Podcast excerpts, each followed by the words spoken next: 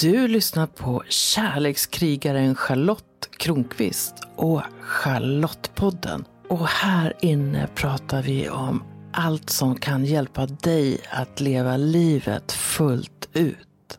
Och I det här avsnittet så pratar jag med en kvinna som är född samma år som jag, 1959.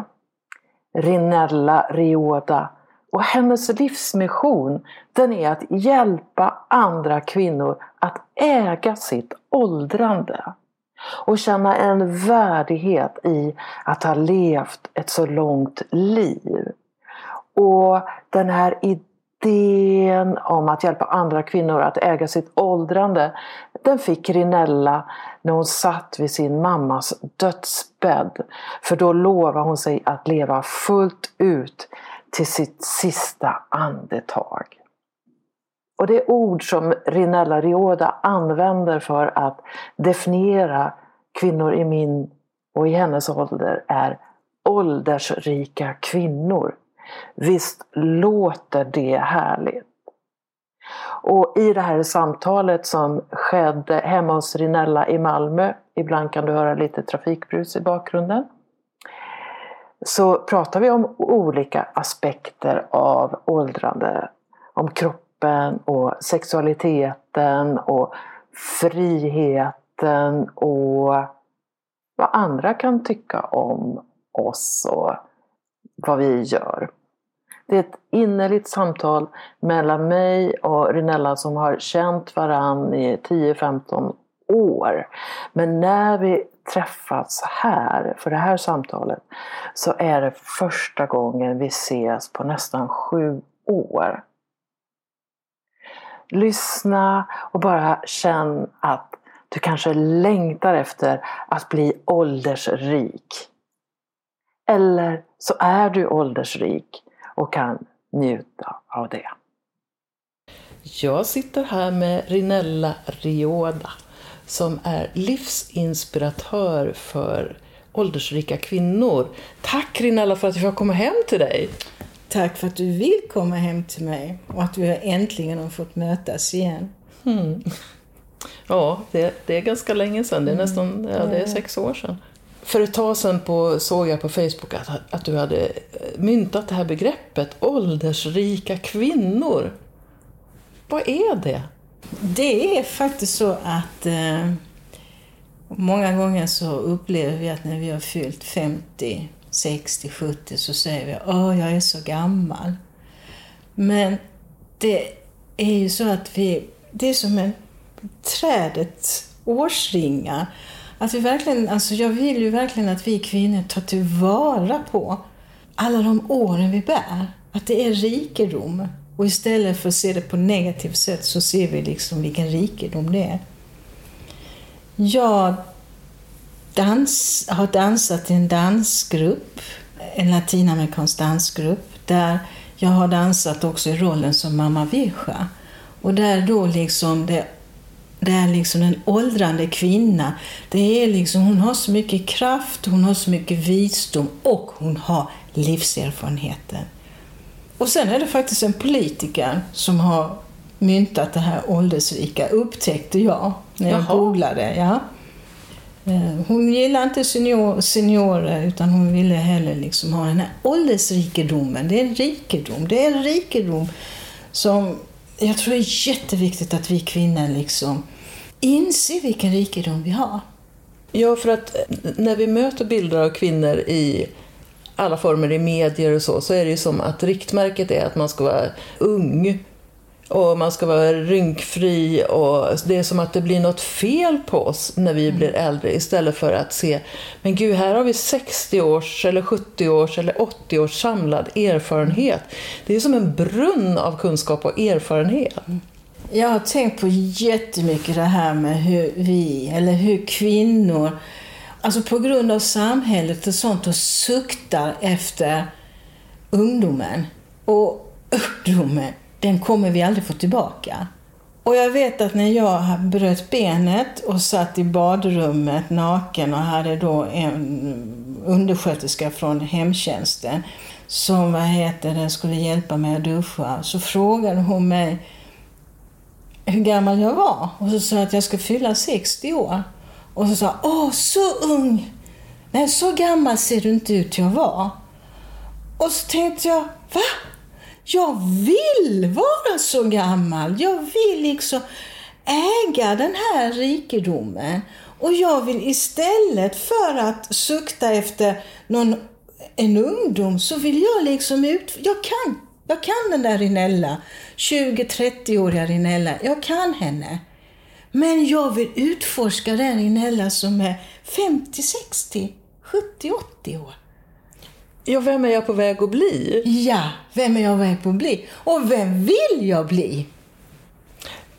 Någonting som provocerar mig, det är när människor säger så här. Ja, men Charlotte, ålder är ju bara en siffra. Mm.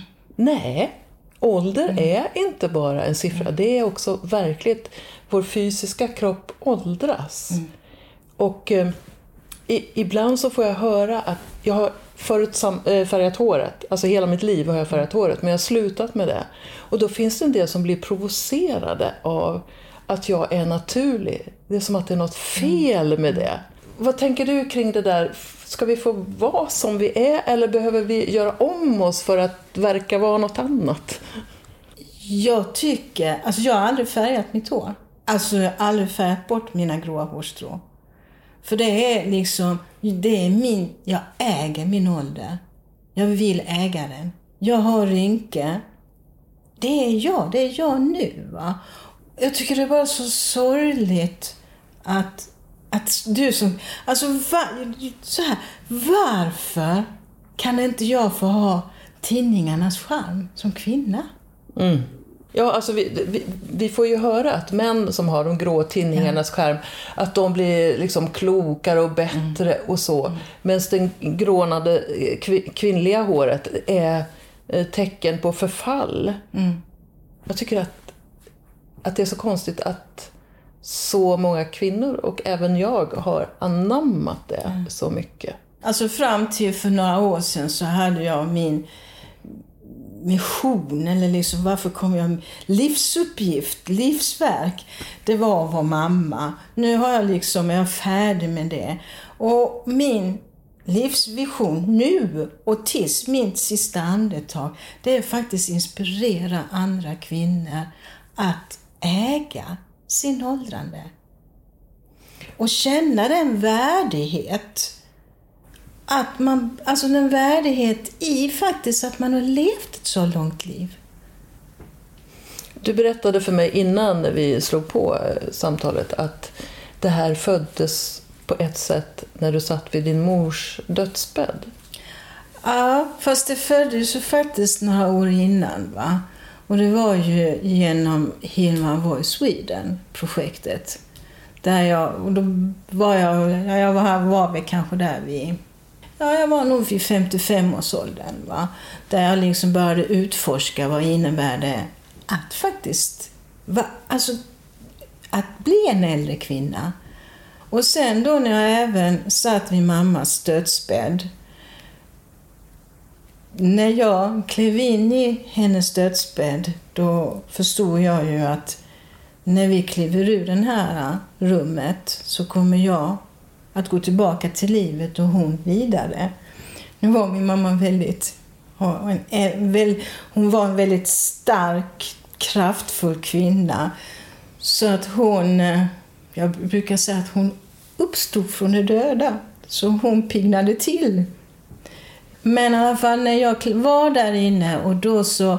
Och, och, alltså vi satt i sju dygn och, och liksom vakade och det var dödens väntrum.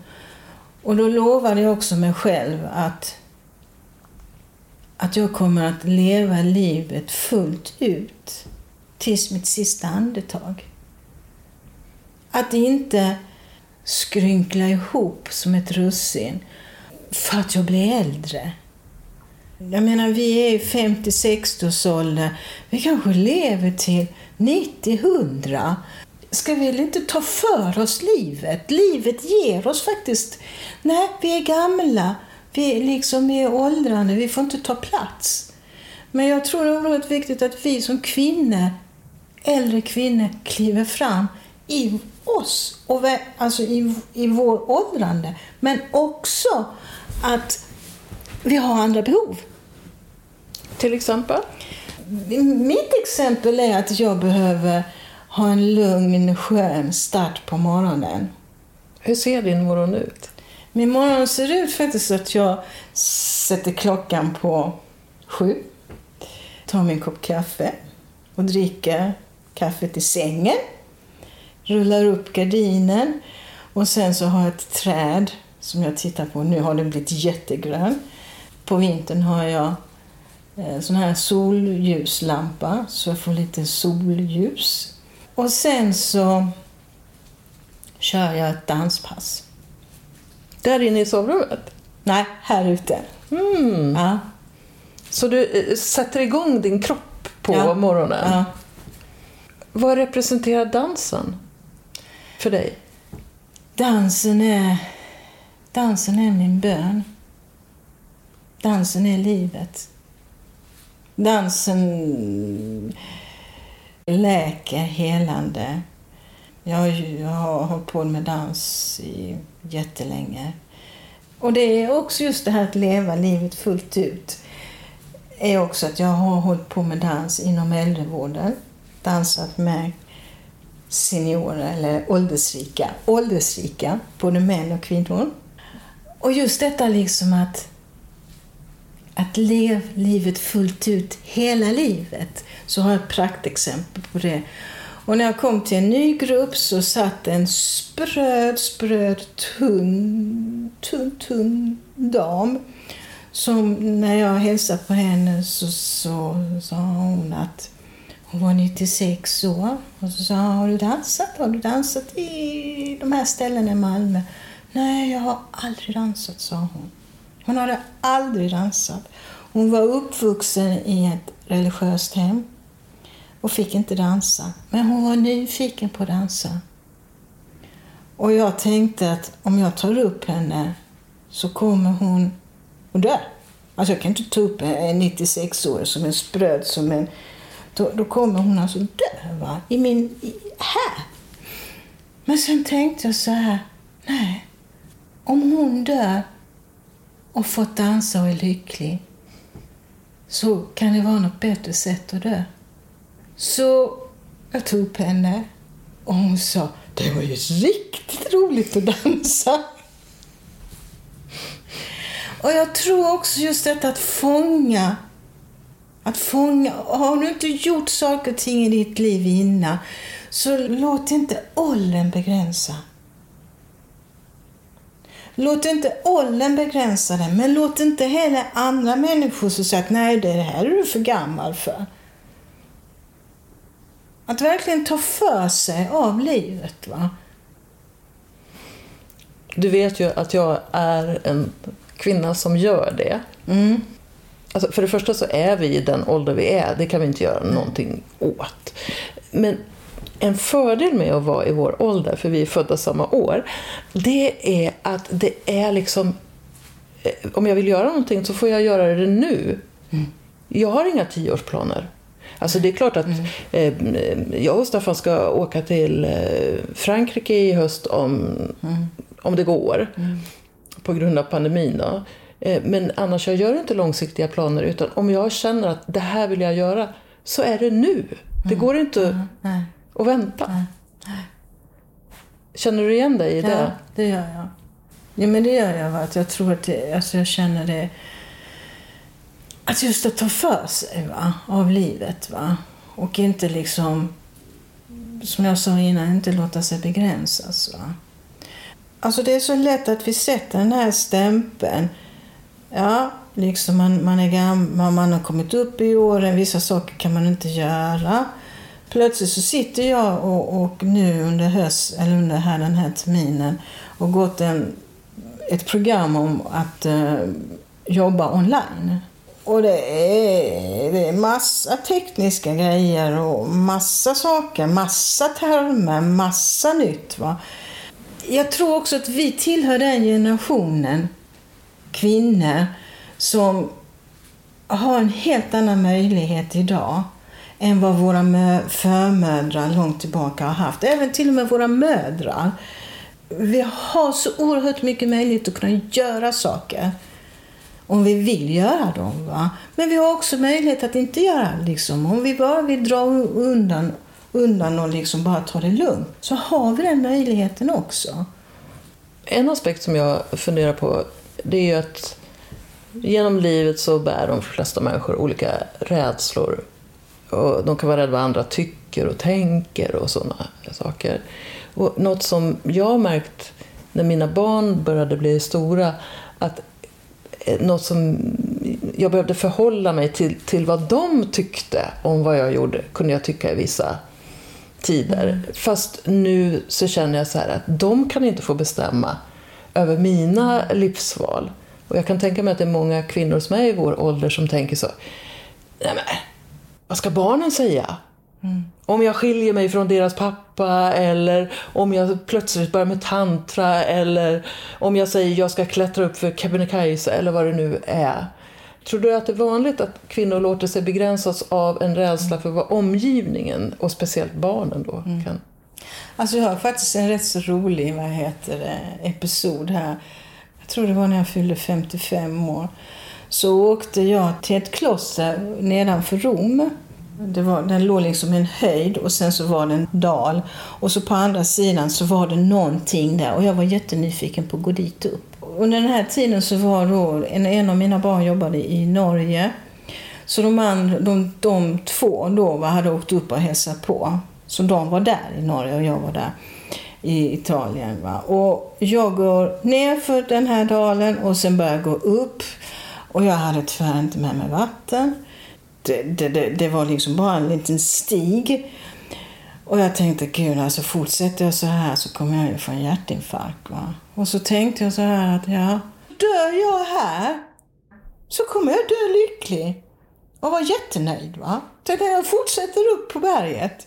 Men sen så slog mig det liksom att jössenamn, tänk om barnen liksom, vad ska, hur, de kommer bara säga, hur kunde mamma bara göra så mot oss?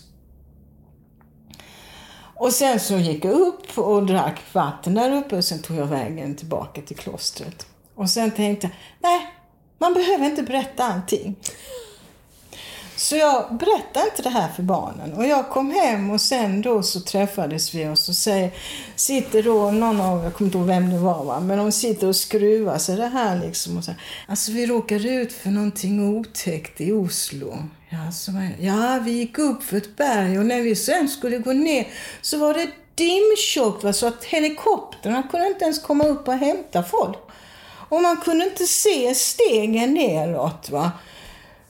Ja, men hur kunde ni utsätta liksom mig för detta? ja, men det var ju inte meningen. Nej, Nej men vad bra, då har ni för... Ja, ja, det var ju hemskt liksom. Det hade hänt något. Ja, jag vet, det hade varit hemskt. Va? Men ni var glada. Ja, det var vi. vi tyckte det, var, alltså, det var ju läskigt att gå ner. Men vi var glada liksom att vi hade varit uppe där. Va? Ja, men nu kan jag berätta det här för er, vad jag har varit med om. Ja, alltså någonstans så måste man få lugn. Alltså jag är inne, jag vet att jag kan göra saker som ifrågasätts av många. Va? Men jag, jag måste följa min väg.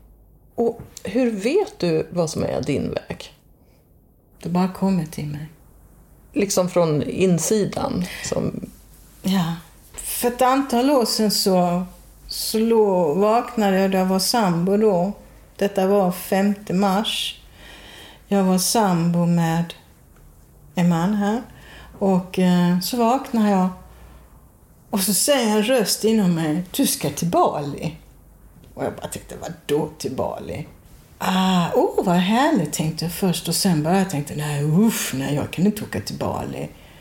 Och jag kan, vi har inte planerat, nej men du ska inte åka själv till Bali, säger den här rösten inom mig. Och sen då så här fall så började liksom jag räkna alla rädslor jag hade för att göra en sån resa. Och också att jag hade inte planerat det här med... Mm, vi hade inte planerat och vi hade inte pengar till det heller.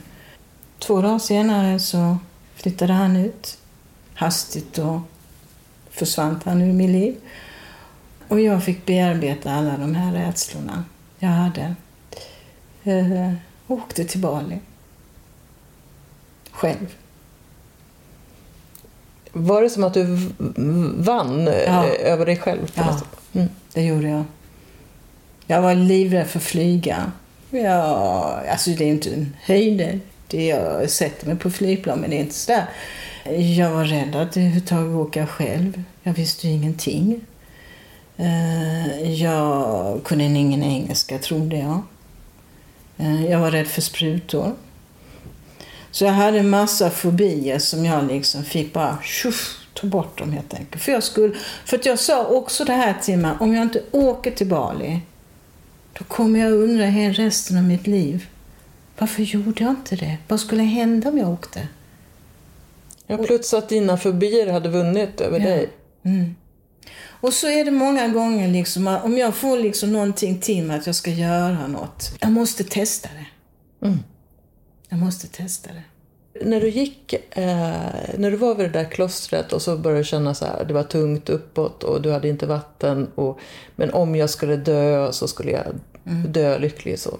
Därför undrar jag, så här, vad är din relation till döden? Din egen död? Ja, min egen död. Jag har... Eh, min pappa dog när jag var 19 år. Och sen har jag i princip varit hypokondriker. Varit livrädd för döden. Jag har haft döden som har liksom gått bakom mig hela tiden. Jag har skrivit väldigt mycket om döden. Haft mycket döden eh, i mina tankar. Jag har även haft dödslängtan när livet har blivit för svårt att hantera så har jag trott att jag har velat dö men jag har egentligen har det nog varit att det har varit för svårt va? och då är det lätt att fly till en liksom dödslängtan. Jag gick igenom en jättestor... Eh, jag förlorade liksom tre... Jag förlorade, min dotter flyttade till Italien.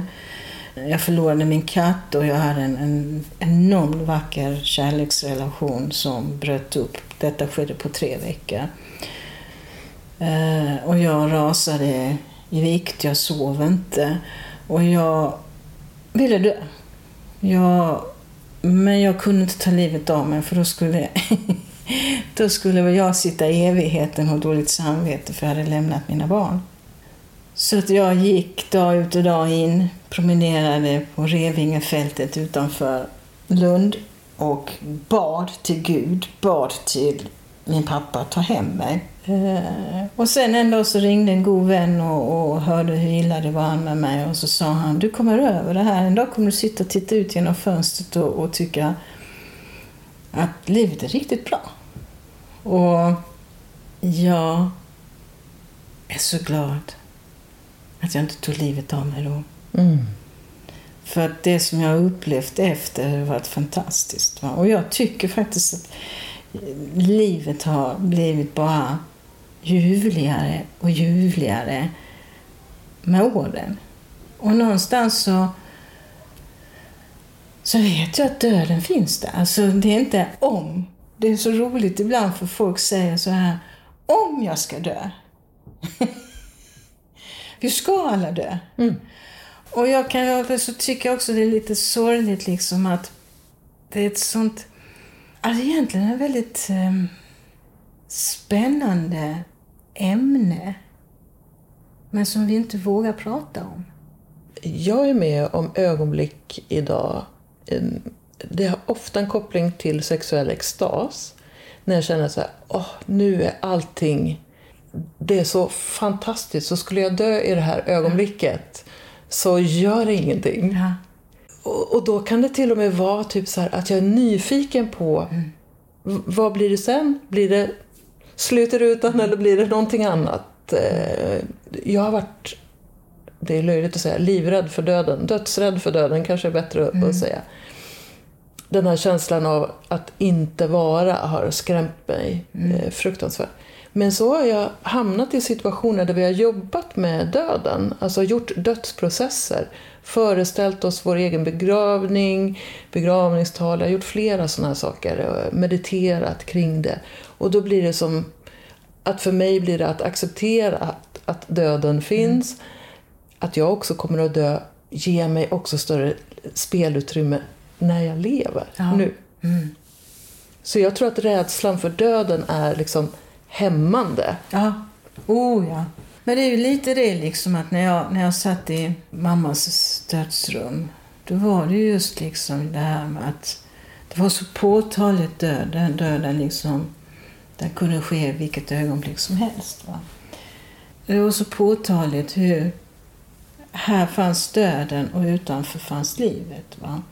Och, hur, och när jag kom liksom ut från sjukhuset och kände, jag vet att jag, det var i Kristianstad, jag åkte tåg ner till Malmö och, och liksom Ojsan, Skånetrafikens säte, de är lila.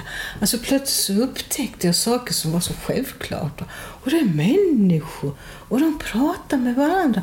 Alltså på något sätt så döden ger, liksom att vara så nära döden så ger det också eh, livet är så. Alltså det är verkligen levande. Att livet är verkligen levande. När du beskriver det sådär så känns det som att den gav dig en större närvaro. Att du Ja. såg saker som du hade missat Ja. förut. Och kanske eh, också ett ord som jag använder ganska mycket nu det är förnimma. Att jag förnimmer mer saker. Det kan vara hur det känns i huden eller ja. Mm. Em, Hur tycker du då att vi som är åldersrika kvinnor eller är på väg att bli det, hur kan vi kliva fram på våra villkor? Vad, vad behöver vi göra? Eller vara? För det första så tror jag att det man behöver göra som kvinna är liksom att känna att man äger sin livsspace. Att det är inte så att bara för att åren har gått så rinner liksom livskraften bort. Att man verkligen äger det. Och också liksom att man kan både bejaka det som är, för det, det nu pratar jag som om det vore fantastiskt och det är inga liksom svårigheter. Jo, fan, det är jävla mycket svårigheter. Men också att äga det. Okej, går jag igenom en svårighet och jag får ta mig igenom det och sen kommer jag ut i den andra änden. Va? Det som jag har lärt mig väldigt mycket, liksom, det är just det att idag vet jag att även om jag kanske kommer in i något underjordens mörker som jag från och till kommer in, och det har jag gjort tidigare i livet, men idag vet jag att jag kommer ut. Visst är det en häftig grej? Mm. Det är inte för evigt. Nej, det är inte för evigt. Och det gör liksom att, att jag vet det, va? så gör att jag har lättare liksom passera den här processen. Och det är samma sak, så nu kan jag också jag har en helt annan helhet. Jag kan se saker med, ha en helhetsperspektiv och inte detalj som tidigare i livet. Och de alltså, egenskaperna tror jag är viktigt att man liksom upptäcker hos sig själv. Att man liksom söker dem. Och sen i detta så kan man också acceptera, alltså att på något sätt omfamna, inte acceptera utan omfamna alla de här åren man har va? och allt det man faktiskt bär på. Och sen tror jag också just det att, att tillsammans med andra kvinnor, för det tror jag är jätteviktigt. Va? Jag, jag, liksom, jag arbetar jättemycket med kvinnor och jag vet att jag har haft de här, jag har haft chattemil, jag har haft middagar här för kvinnor, just om tema åldersrika kvinnor. Och det har liksom varit män som har kontaktat mig. Det där är ju jätteintressant. Varför får inte vi komma? Ja, så sa jag. Jag förstår att det är jätteintressant. Jag förstår att ni också behöver det. Men då får någon annan göra det. Jag gör inte det. Mitt fokus är inte man eller kvinna, utan min fokus är faktiskt att jobba med att vara kvinna. Det är där jag liksom har mitt fokus. Och sen då att som kvinnor tillsammans i systerskap stötta varandra. Och vi är ju jätteviktiga. Alltså vi får inte glömma att vi som är 50-60, även om vi kanske, många, många av oss tycker att vi inte får plats, vi syns inte, vi... Så är det faktiskt hur vi beter oss nu är jätteviktigt. Därför att vi är förebilder för de som är unga. De unga även om vi inte tror det, så är vi det. Va? Och där tror jag är jätteviktigt att vi inser att dels för oss själva att vi behöver kliva fram. Alltså när jag säger kliva fram menar inte att vi ska stå i fronten, för det är inte det vi ska göra längre. Vi ska inte stå i fronten, utan vi ska kliva fram i vår livsspace. Jag tänker också att jag blir mindre och mindre rädd för olika saker. Jag kan vara mer transparent med vem jag är mm. idag. Och eh, jag gör de val som jag behöver och då visar jag ju också för min omgivning att jag gör mina val. Jag tänker inte kompromissa om en del sådana här saker. Bara som ett gammalt exempel ur mitt liv. När jag klev ur äktenskapet med barnens pappa så tänkte jag så här, okej, okay, vad är bäst? Att de får lära sig att man lever kvar i en kärlekslös mm. relation eller att jag visar att jag vill mer utav livet. Och då tänkte jag, jag är en bättre förebild om mm. jag följer mitt hjärta. Mm. Och, mm. och det kan vi göra ännu mer, ja. Eh, tänker jag. Mm. Och sen hur individens livsrum ser ut, tänker jag att det skiljer sig ja. eh, mm. mellan. Men man behöver inte kliva fram för framklivandets skull. Nej. Utan Ja, det är det jag menar. Va? Mm. Alltså inte fronten. Va? Om inte det är bekvämt att vara i fronten så liksom att kliva fram ändå i den spacen man är. Va? Att ta för alltså att faktiskt ta för sig. Va? För bara för att du har fyllt 50 eller 60 eller 70 så är det inte så att du inte har du har rätt till ditt liv va? och du har rätt att förverkliga saker och ting. Och på ett sätt så är det ju lättare Ja. Om vi kan, eller när vi kan, är kanske ett bättre ord, när vi kan släppa en del på att oroa oss för vad andra tycker. Ja. Jag tror att det är en av de knäppaste och hårdaste och segaste spärrar som är. Mm. Men vad ska mina barn säga om jag åker ensam till Bali? Det kan man väl inte göra mm. som... Mm. De kanske tänker så här, vad ball mamma är. Vad modig hon är. Alltså, man ja. behöver ju inte bara se... Mm. Sånt tycker jag är viktigt. Men när du då nämner systerskap, vad kan vi göra för varandra, tänker du? Det vi kan göra för varandra, dels är det ju vara förebilder. Men också just det här med att eh, hålla space för varandra. Och även hålla den spacen oavsett vad det är. Glädje, sorg, ja. frustration. Ja. ja. Att om det är någon, någon som har en sorg, va? att finnas där som medmänniska. Alltså, sitta bara och finnas. Och det är även också att om det är någon kvinna som har framgång, att verkligen njuta av hennes framgång. Det där tror jag är en sån viktig eh, punkt att jag tror att det här kommer mer och mer. Mm. Och att förut har det varit farligare att skina, eh, mm. så att säga. Men jag tror att det, speciellt i vår, våra generationer här, så tror jag att det här är mm. oerhört viktigt. Att vara med, eh, om en kvinna får framgång, vara med henne i den mm. istället för att stå och peka finger mm. eller leta fel mm. eller så. Mm. Och jag tror att det är så här att just att man då liksom, att det här med att sukta efter efter liksom ungdomen så är det liksom att sukta efter då liksom den framgången som man kanske som gängse, liksom, som normen säger att det är i ungdomen man har framgång. Men alltså, skit i att sukta efter den. Va? Om det är liksom kroppen eller om det är, ja, om det är kroppen. Va? Utan njut av det de verk, det du har nu, de, de, liksom den råmaterialet du har nu. Att verkligen njuta av det. Och faktum är alltså jag, jag är jättetacksam för min kropp. Va? Därför att jag har ju en helt annan kontakt med min kropp idag än vad jag hade tidigare. Alltså verkligen, jag kan till och med känna liksom, när jag simmar hur liksom huden upplöses va? och jag blir ett med vatten. Eh, vilken relation har du till din sexualitet idag? Har den förändrats på något sätt? Ja, både och. Jag är friare i min sexualitet idag. Jag njuter.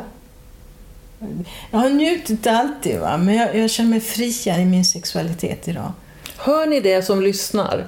Det här är vad som kan hända. Ja. Alltså det som, nu var det så att jag steriliserade mig innan jag kom in i övergångsåldern. Men just det att inte föda barn, att inte ha den här rädslan, tänk om jag blir gravid, va? gör ju att jag kan liksom ta för mig mer av sexualiteten. Va?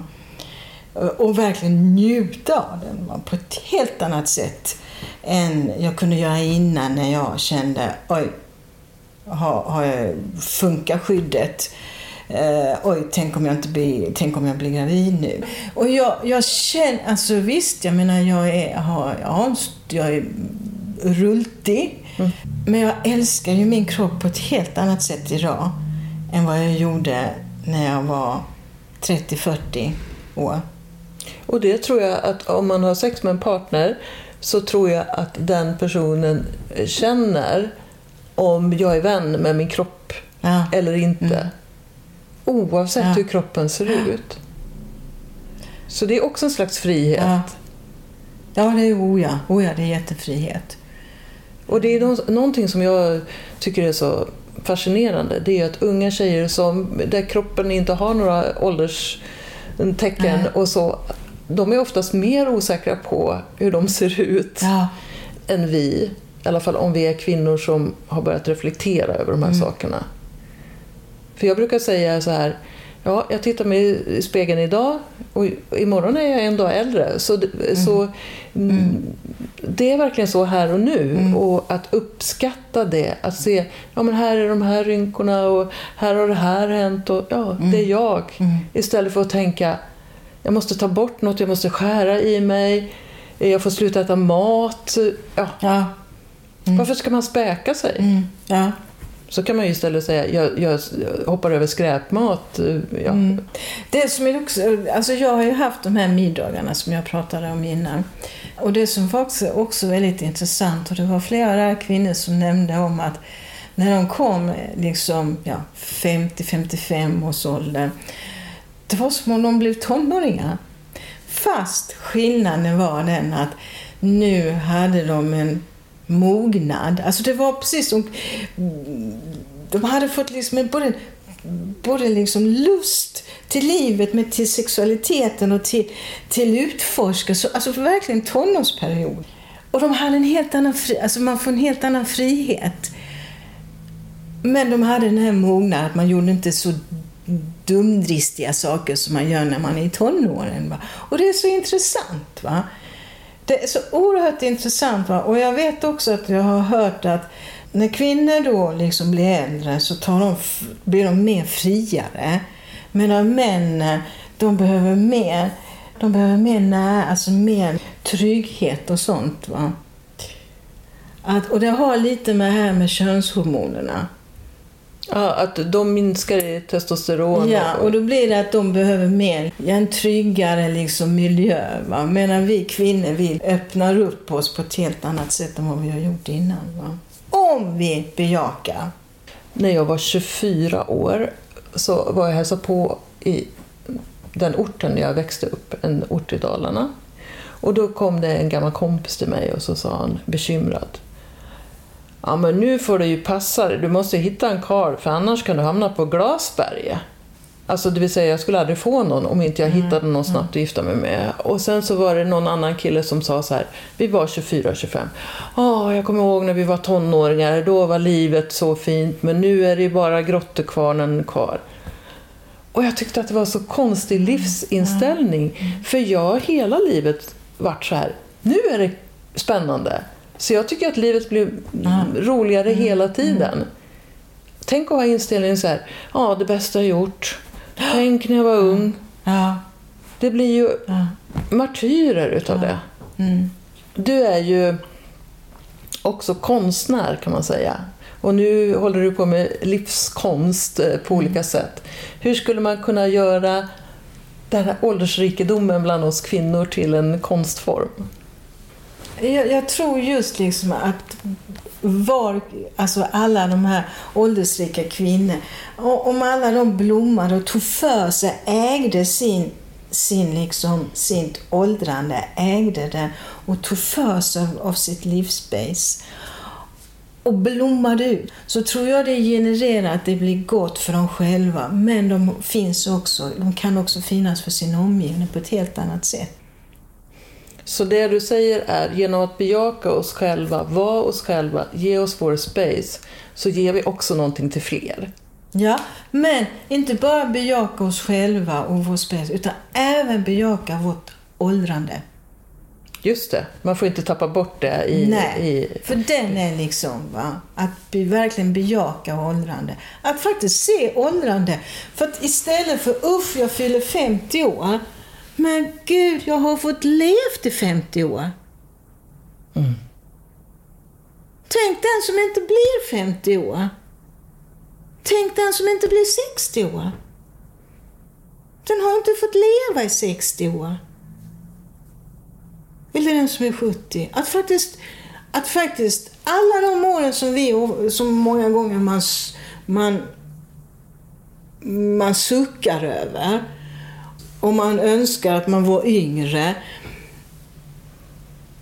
Ja, om man inte är i den här åldern man är, då har, då har man ju inte fått leva. Alltså det handlar ju faktiskt om, det handlar ju om en jättedjup sak, är ju att vi får en livsgåva, att vi faktiskt får leva. 60, 70, 80. Kanske hundra. Kanske 100, ja. Tack Rinella. Tack. Jag ser fram emot nästa möte för att se hur många år vi är, hur åldersrika vi är den gången. Visst är hon fantastisk, Rinella? Alltså tänk att bjuda upp en kvinna som är 90 plus som får dansa för första gången i sitt liv. Det är verkligen aldrig för sent. Så jag säger som Rinella, om du inte har gjort saker tidigare så låt inte åldern begränsa eller hur andra människor ser på dig begränsa. Just do it! Och du, apropå just göra det, så håller ju pandemin nu på att släppa sitt grepp om oss. Så därför så sker de första lekfullt tantrakurserna nu i höst. Den 3 september så har jag en lekfulla möten kväll i Stockholm. Den kanske lockar dig att vilja gå hela helgkursen som är den 4 och 5 september. Och de här kurserna är öppna för alla som är intresserade av eh, tantra, kontakt, möten. Och sen i eh, oktober, slutet av oktober, jag tror det är 23, 24 eller 24, 25 så blir det höstens parkurs Lekfull tantra för par. Så om du går in på min hemsida charlottekronqvist.org så kan du läsa allt om kurserna och du kan också anmäla dig där och det finns också möjlighet att swisha eh, din kursavgift. Och jag hoppas vi ses snart och nu väntar verkligen den här tiden där vi kan se varandra i ögonen på riktigt, där vi kan krama varandra, där vi kan känna att vi möts i kontakt. Kärlek till dig, för att du är värd det. Kom ihåg att prenumerera på Charlottepodden så att du är med när nya avsnitt kommer. För vem vet vad du kan få lära dig om livet i det avsnittet. Rekommendera gärna podden till en vän så är du med och sprider vetskap om att den här podden finns och berätta vad den ger just dig.